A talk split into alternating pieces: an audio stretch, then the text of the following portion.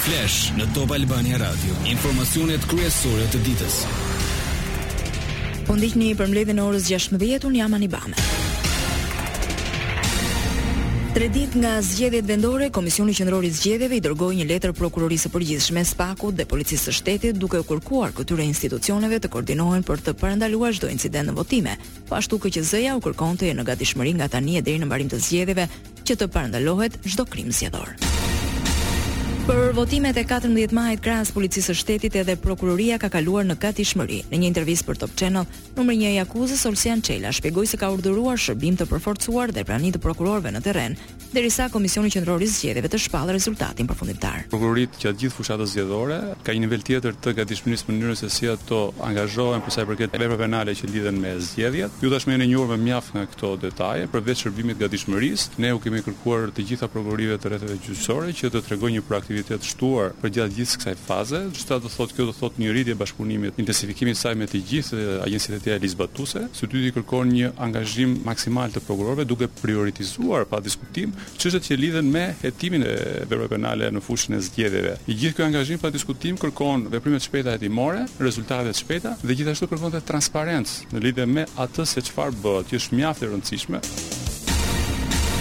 Dërgimi i mesazheve me përmbajtje elektorale në celularët e qytetarëve nga partitë politike apo kandidatët është i paligjshëm. Komisioneri për të Drejtën e Informimit dhe Mbrojtjen e të Dhënave Personale Besnik Dervishi paralajmëron penalizime të subjekteve zgjedhore që e kanë bërë apo do të vijojnë ta bëjnë këtë gjë. Dërgimi i SMS-ve konsiderohet përpunim i paligjshëm i të dhënave personale dhe çdo subjekt zgjedhor apo operator ekonomik do të penalizohet sipas legjislacionit për mbrojtjen e të dhënave personale, thuhet në një deklaratë. Lajmet në internet në adresën www.topalbaniaradio.com.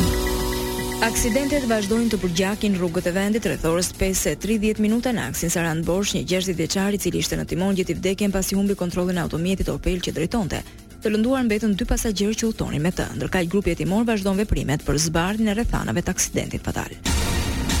Tjetër incident detar në Adriatik pesëmbëdhjetë milje larg bregut të detit, peshkarexha Perëndesha dhe veliera Blue Moon me flamur anglez u përplasën rreth orës dy e tridhjetë të mëngjesit në det të hapur. Në peshkarexhë ndodheshin pesë persona, ndërsa në velierë një çift britanik. Fatmirësisht nuk pati të lënduar, por vetëm dëme materiale. Në njëzet e katër orë ky është incidenti i dytë detar në gjirin e Durrësit, pas atij të regjistruar dje kur peshkarexha Elton u godit nga trageti linjës Durrës-Bari.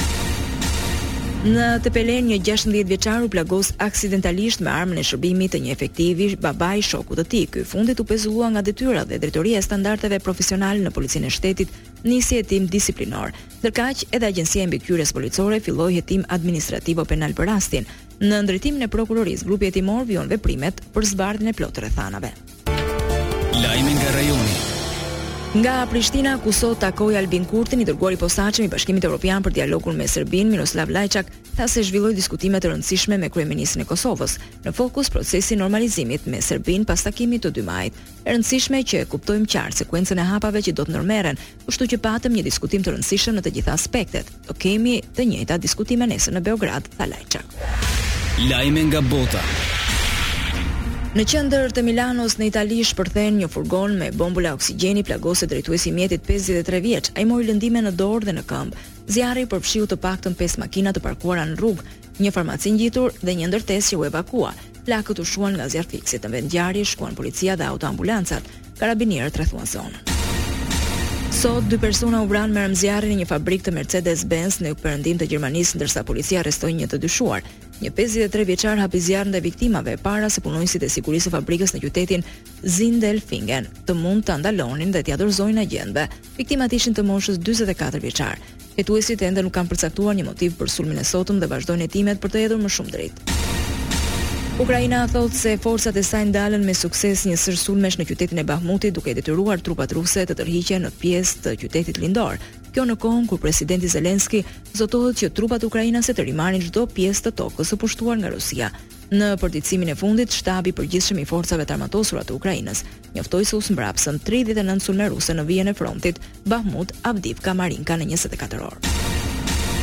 Nga rripi i Gazës, militantët palestinezë hodhën qindra raketa në drejtim të Izraelit, ndërsa Izraeli u kundërpërgjigj me një seri sulmesh ajrore. U vranë 23 palestinezë, përfshirë tre udhëheqës të lartë militantë dhe të paktën 10 civilë. Edhe pse Egjipti ka ndërmjetësuar një armëpushim mes palëve, luftimet u intensifikuan mbrëmë dhe asnjë prej tyre nuk dukej e gatshme të tërhiqej. Përgatitjet e Eurovizionit për një kërcënim të mundshëm kibernetik nga Rusia janë optimale dhe organizatorët ndihen shumë të sigurt. Këtë vlerësim jep drejtori menaxhues i Festivalit Pan-Europian të Këngës në BBC. Transmetuesi ka punuar me ekipin e specializuar të Bashkimit Europian dhe Qendrën Kombëtare të Sigurisë Kibernetike që përpara se të niste Festivali Evropian i Këngës në Liverpool. Ukraina fitoi konkursin e vitit të kaluar, por pushtimi nga Rusia bëri që organizimi t'i besohej Britanisë. Sot është nata e dytë gjysmëfinale dhe Shqipëria përfaqësohet me Albina dhe familja Kelmendi me këngën Duje. Rusisë iu ndalua të konkurronte pas pushtimit të Ukrainës, por për herë të parë në histori, gati 7 dekadash të konkursit, njerëz nga vende jashtë tij janë në gjendje të votojnë për këngën e preferuar këtë vit. Votat konvertohen në pikë me të njëjtën peshë si një vend pjesëmarrës, duke lejuar edhe qytetarë rusë të ndikojnë në votim. Parashikimi i motit. Vendi ynë do të ndikohet nga kushte atmosferike të paqëndrueshme. Moti mbetet mbetet me vranësira e shira më së shumti në veriperëndim dhe në relievet malore në lindje. Temperaturat luhaten nga 8 në 20 gradë Celsius. Ndoqët një përmbledhje të lajmeve kryesore të ditës edicioni i radhës shënon 17. Kjo është Top Albania Radio.